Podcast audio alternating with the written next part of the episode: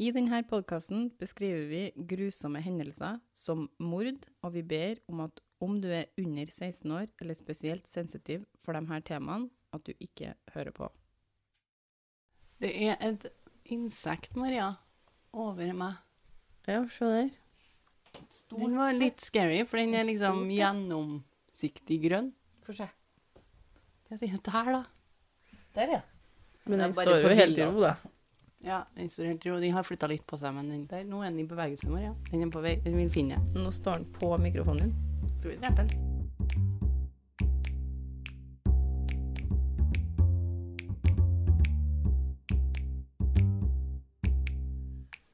Hei, hei, alle sammen. Da er det tid for en liten pause med oss anonyme mørkeredde. Du lytter nå til meg, Maria, og søstrene mine. Martine.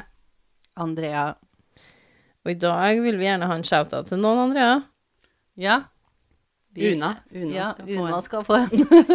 Una, og så bare slenger vi på Åsa samtidig. Ja, Åsa og Una. Ja. Åsa Og Una. De uh, hører på oss.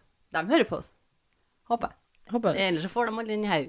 Nei, det er sant. Men igjen, da er det noen andre som heter Una, som kanskje syns det er hyggelig. Eller Åse. Eller Åse. Eller Åsa, Åsa. som hun heter. Åsa. Men også Åse kan også ta den her. Vi har sånn navnedag. Vi er noen Ja. sånn Det her, Det her er gjelder navnene. Dem med navn. Åse, Una, Åsa. Men det er mest Åsa og Una vi hilser Det er for Åsa og Una i dag. Ja. Så hei, hei. Åsa Takk og Una. for at dere hører på. Det er veldig hyggelig. Det setter vi veldig stor Digger pris på. dere like mye som dere digger oss. Absolutt. Vi vet ikke om de digger oss, men vi går ut fra det. Vi digger dem, så da går det greit. Vi digger dem. I dag skal dere få høre om en sak fra Kentucky i USA fra 2013, hvor Brooklyn Farting på 18 år forsvinner en kveld i juni. Skal vi bare starte? Brooklyn Shay Farting var født 26. august i 1994. Familien hennes var bosatt i Beria, Kentucky. Mammaen hennes heter Shelby Walker, og stefaren hennes heter Randall Walker. Hun bodde med dem og to søstre, Tasha og Paige. Jeg tror Tasha er eldre ennå, og Paige er lillesøstera hennes. Brooklyn hadde gått på Madison Southern High School og hadde vært ei speiderjente store deler av livet. Mens hun var aktiv i speideren, så hadde hun vært opptatt av å lage litt sånn omsorgspakker for å hjelpe dem som var ramma av Hurricane Katrina. Eh, Og hun var ofte på besøk på eldrehjem. Hun hadde en interesse i baking, og brukte å bake til familien sin ofte. Ene søstera hennes forklarer henne som ei jente som elska dyr og det å være utendørs. Hun var ei modig, målretta og energisk jente som var kjent for å tell it like it is. I Nicole Henley sin artikkel så blir det forklart at Brooklyn dro på fest med søstera si Paige, et søskenbarn og noen venner den 21. juni i 2013. De bodde i en ganske sånn liten by, eh, så de var litt sånn alle kjente alle. Søskenbarna var også vennene deres, og vennene var søskenbarna omtrent, skulle jeg si. Tidligere på dagen så hadde Brooklyn og eh, ene søstera, hun Paige, tatt eh, førerprøven for bil, og Brooklyn hadde bestått, mens søstera hadde strøket. Familien drar sammen til en fest for bestefaren til Brooklyn i 70-årsdagen hans. Han hadde vært syk siste tida, så det her var liksom en litt sånn viktig fest for hele familien. Og det gjør de før eh, Brooklyn drar på denne festen med uh, søstera si og søskenbarna sine. Så etter den festen for eh, bestefaren, så drar Paige, søskenbarnet deres, og Brooklyn og noen venner til en annen fest på Red Lick Road. Søstera til Brooklyn, Paige, forklarer at Brooklyn kjente stort sett alle som var på den festen her. Det var en sånn her um, field party. Jordefest, skal jeg si sånn. Å ja. Ja, sånn storfest på et jorde, vil jeg tro. Samme som sånn beach party, bare til field party. Ja. Mellom sju og åtte den kvelden her så drar Paige og søskenbarnet fra festen. De drar ganske tidlig, nesten rett etter de har kommet. Eh, Brooklyn har planer om å ligge over til ei venninne som også var på den festen her. Hun hadde pakka bagen sin før hun dro hjemmefra, så hun hadde med seg alt det hun trengte. Men senere den kvelden så fant Brooklyn ut at venninna hun skulle ligge over til, hadde planer om å ligge over til en fyr. Brooklyn og venninna hennes begynner å krangle litt, og Brooklyn er ukomfortabel med hele situasjonen. Uh, venninna ender opp med å dra fra festen og forlater Brooklyn der. Så Brooklyn blir igjen på festen, da. Det hele ender i at et vitne forklarer at hun ser Brooklyn forlate festen med to menn isteden. Eller unggutter, da. Sånn samme alder som hun, bortsett fra den ene var litt eldre. ene fyren heter Josh, uh, og den andre fyren hun drar med, vet ikke jeg hva heter. De tre kjører til Floyd Branch Road og ser på noen hester først. Uh, og senere den kvelden så blir den uh, fyren jeg ikke vet hva heter, sluppet av hjem til seg sjøl. Uh, Josh tar med seg Brooklyn til huset sitt, som ligger på en plass som heter Dillon Court. Eh, og det huset her var i noe som heter foreclosure, i begynnelsen av foreclosure, og det betyr at dem som har bodd der, ikke har klart å betale lånet sitt, sånn at banken er litt sånn i eh, begynnelsesstadiet på ta over eiendommen. Da. Mm. Så på grunn av det så har ikke huset verken vann eller elektrisitet lenger. De har stengt alt. Videre i artikkelen så blir det beskrevet at Brooklyn ringer til Page og ber hun og søskenbarnet om å komme og hente henne klokka fire på natta. Altså nå har vi kommet til den 22. juni, for det her er jo på natta. Juni eller juli? Jeg syns du sa juli i sted. Nei, juni. Og de sier at Brooklyn også sender meldinger til Page om at hun ikke føler seg trygg der hun er. Men fordi søskenbarnet hadde drukket den kvelden, og Page ikke hadde bestått på førerprøven, så kunne de ikke komme. Brooklyn sier at det er helt greit, og at de ikke skal bekymre seg. Hun skal fikse med eksen sin, og høre om han kan plukke henne opp når han er ferdig på jobb, for han jobber natt, nattskift da. Page tolker det ikke som at da Brooklyn er stressa eller noe sånt. Hun har ikke noen følelse av at uh, ikke føler seg trygg når hun snakker med henne. Eh, men hun spør også om hun skal vekke mammaen deres og få hun til å hente Brooklyn. Men det mener Brooklyn er helt unødvendig, det trenger hun ikke å gjøre. Hun skulle få han eksen til å hente henne. Brooklyn tar da kontakt med eksen sin på melding. Eksen, som jeg sa, var jo på jobb den natta her, og Brooklyn sender flere meldinger til han og ber han om å hente henne. De blir enige om at han skal hente henne når han er ferdig på jobben sin.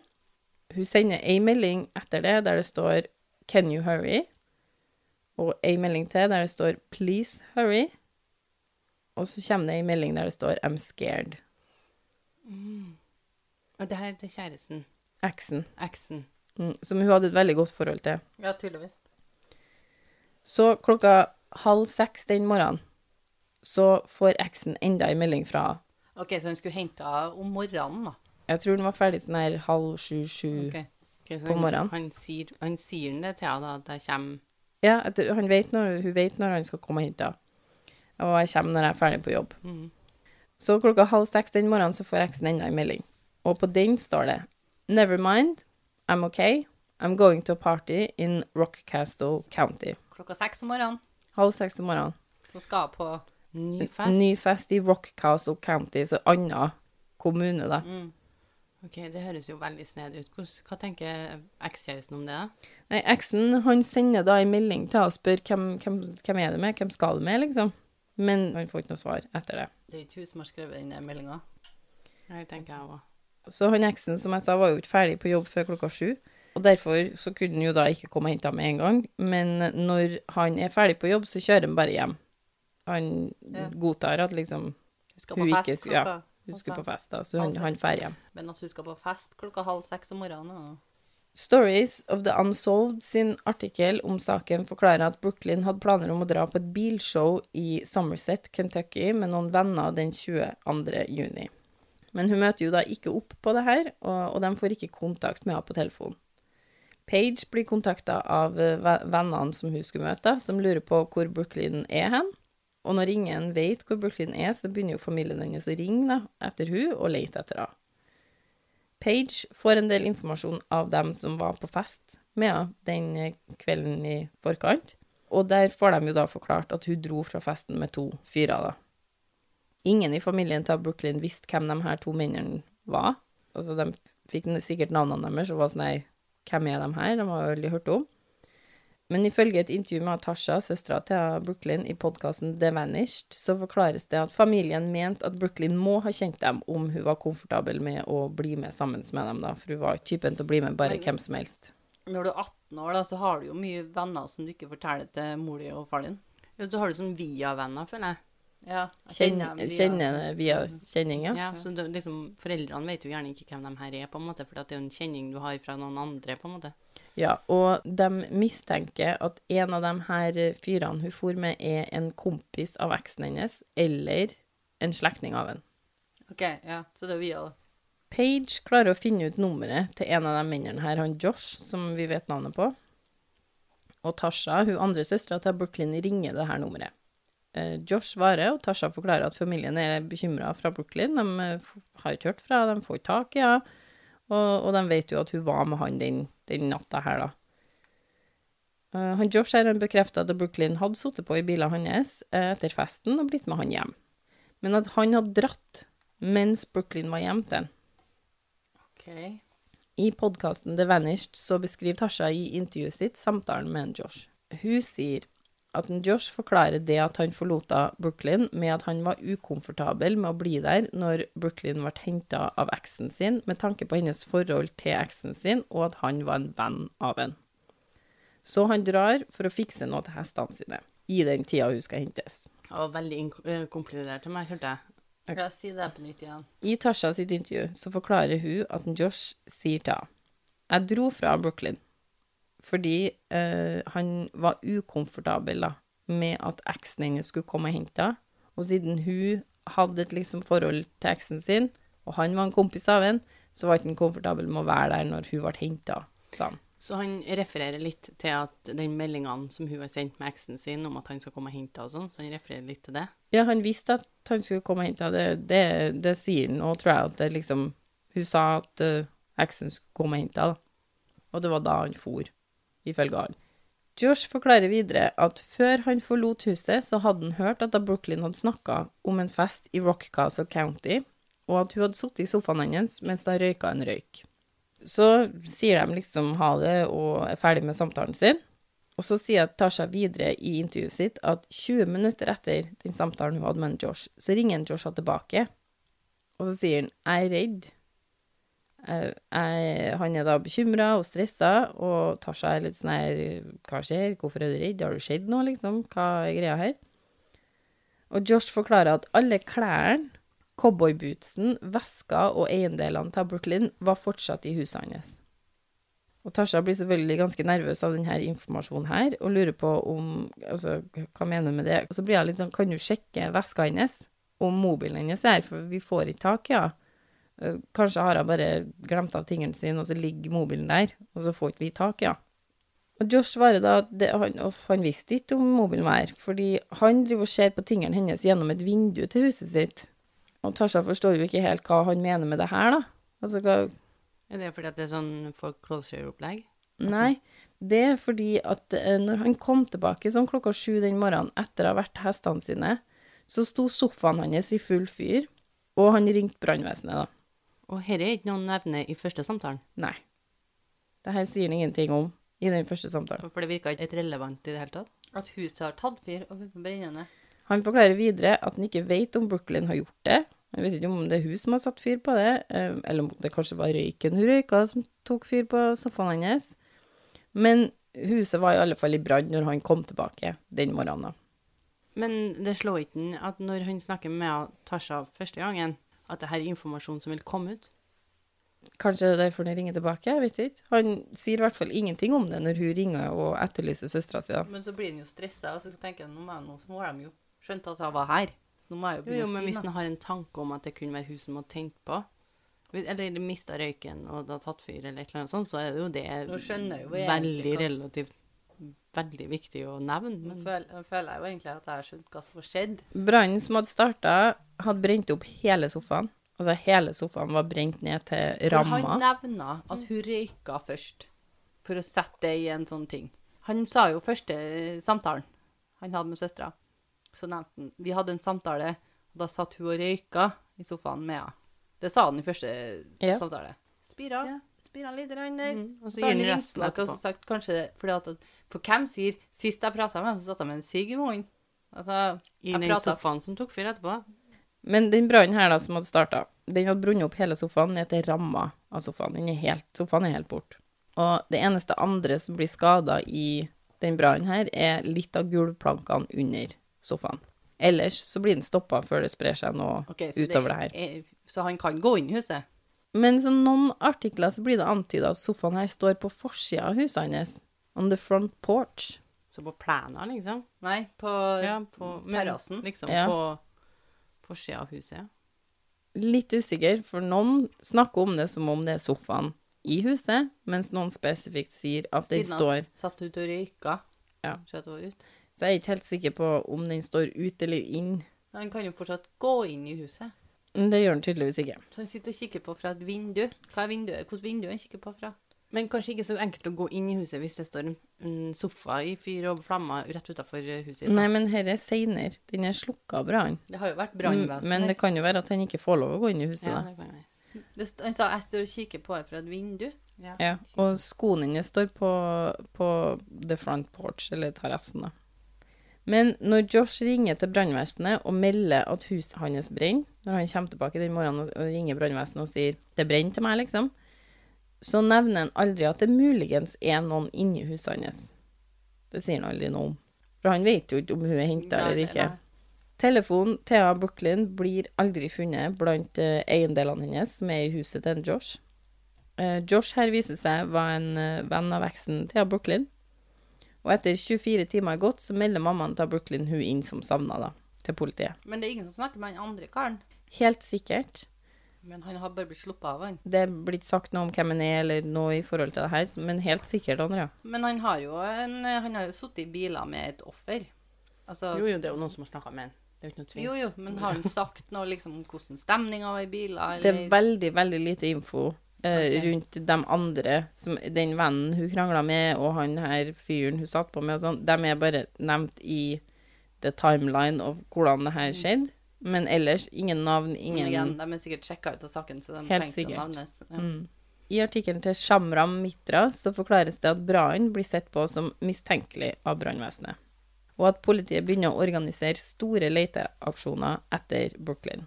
En stor leteaksjon ble gjort rundt Red Lick-området, og kadaverhunder ble brukt til å finkjemme områdene hun hadde blitt observert på, og dykkere sjekka i vannene i områdene. De gjorde mye leiting. ja, masse søk. Politiet ser på forsvinninga som mistenkelig, og tror hun er blitt tatt mot sin vilje. De tror heller ikke den siste meldinga som er sendt, er blitt sendt av av Brooklyn. Hun hadde ingen grunn til å være en rømling, altså det var ingen tegn på at hun kunne ha rømt den natta av noe grunn. Altså de ser ikke på det som, som sannsynlig at hun hadde stukket av det. Nei, hun er jo 18 nå, da, så det, altså, hun bestemmer sjøl om hun vil stikke eller ikke. Så det er jo ikke å rømme er jo noe du gjør når du er under 18, regner jeg med. Jo, men da blir hun fortsatt forsvunnet. Ja. Altså du er fortsatt en missing person fordi om Jo, du er over 18.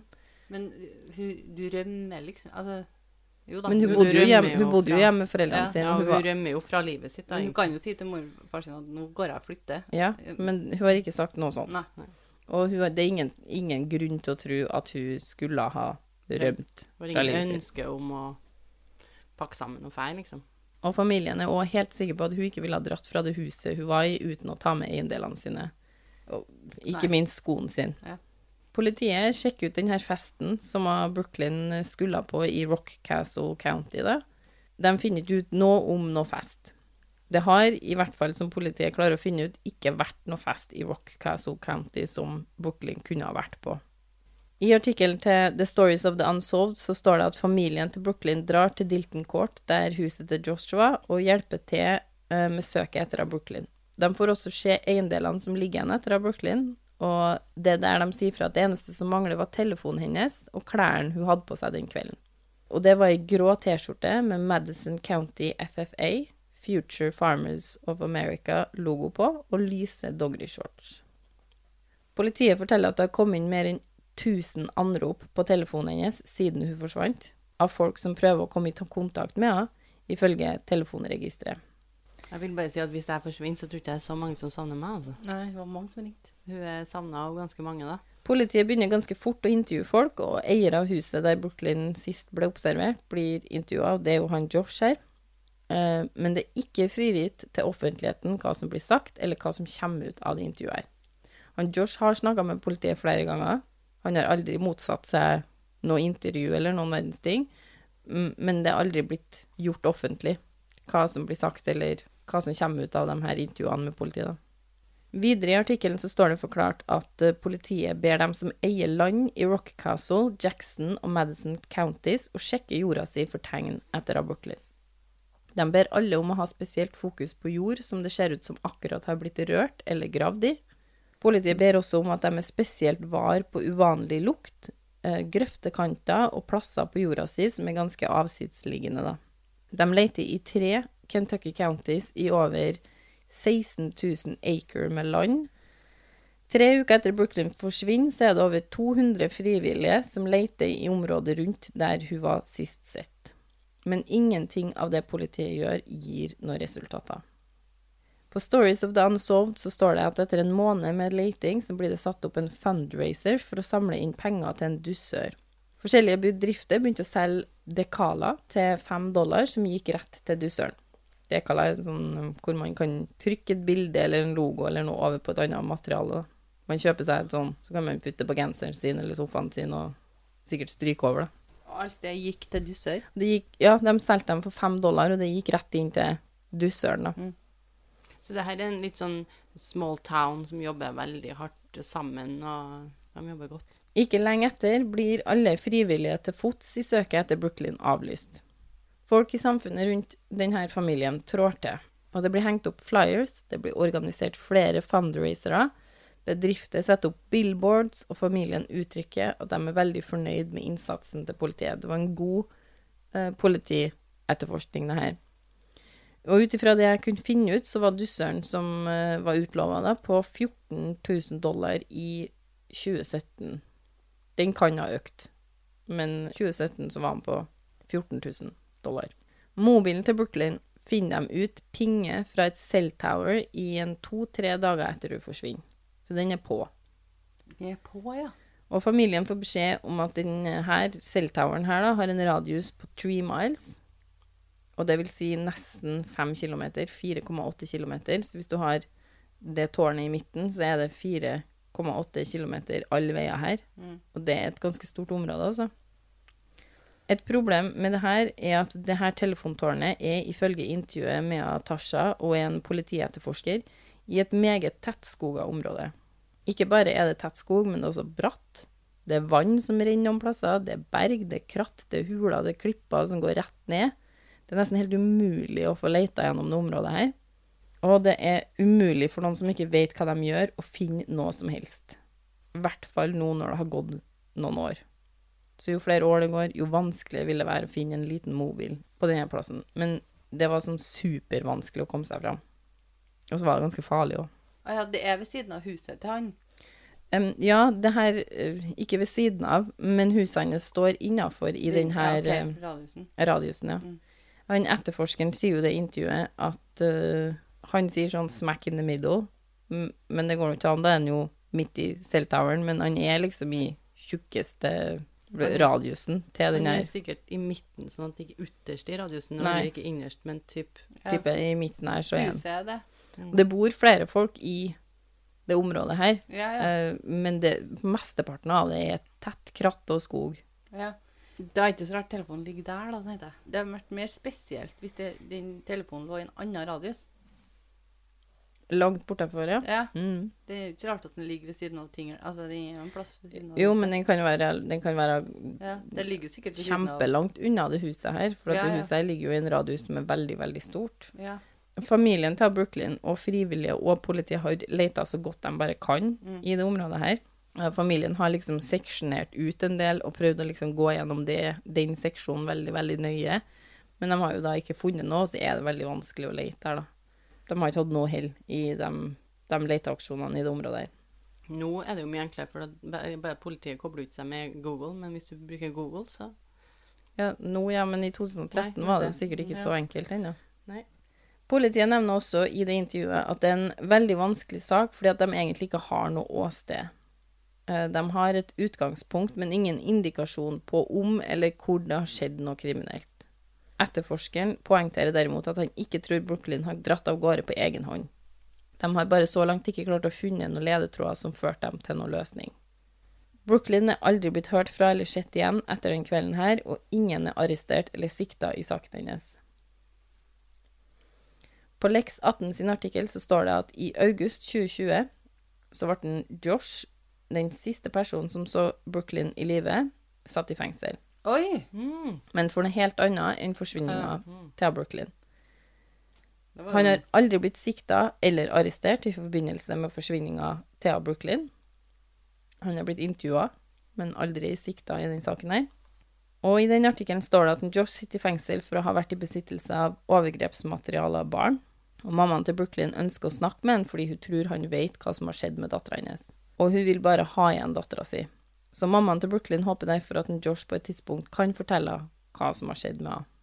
I artikkelen til Stanford, Kentucky, så forklarer politiet i 2019 at uh, mange kanskje tror at Brooklyn sin sak er en cold case, men den er absolutt ikke det. Politiet jobber fortsatt aktivt med denne saken her hver uke, faktisk nesten hver dag, sier Kentucky State Trooper Robert Purdy i den artikkelen. Han sier at de venter fortsatt på denne ene puslebiten som gjør at mysteriet løser seg. De venter på denne ene telefonsamtalen som kan endre alt. Og Robert Purdy sier at uh, noen vet hva som skjedde med Brooklyn den kvelden hun forsvant, og politiet venter bare på at den personen skal ringe og fortelle dem hva de vet. Det må også sies at dette er jo en aktiv etterforskning. Og det er helt sikkert mange detaljer som ikke er mulig for offentligheten å få tak i. Og sånn skal det jo være i aktive saker, for de skal ikke gi ut alt infoen. Så det er jo, jeg har mange spørsmål i forhold til den sofaen her. Var den dosa med noe, liksom? Var, han, var det noe brennvæske på den? Er det noe mulighet for å finne ut hvordan den brant opp så inn i granskauen, liksom? Og så han ekskjæresten, er han sjekka helt ut? Han skulle ha bare funnet den telefonen hennes. Det må være forferdelig frustrerende å vite at den telefonen finnes ute der. Mm. Og så har jeg fortsatt på seg Altså, klærne er ikke Har ikke lagt igjen. Og telefonen er borte. Og telefonen er borte, ja. Yeah. Ja, det er jo veldig spesielt at han ikke er arrestert for det. De må jo ha en sak, da, og det, de sier jo det er veldig vanskelig å dømme noen uten uh, Without the body. Å ja, og uten noe bevis for noe. Ja, altså, men sånn den, som du sier, hvis den sofaen er det putta bensin på ja, men hvis alt er borte, da? Jo, men brannvesenet vet jo sånne ting. Jo, men brannvesenet kom jo til denne uh, plassen og behandla det som et hus i brann. Mm. De tok jo ingen forhåndsregler i forhold til at det kunne være et uh, åsted eller noen verdens ting. De, De dem- dosa jo bare ned alt. Jo, men de sjekker jo det etterpå. Ja, men det er vanskelig, vet du, når de allerede har uh, spraya ned alt med Jo, men de sjekker jo uh, årsak til brann.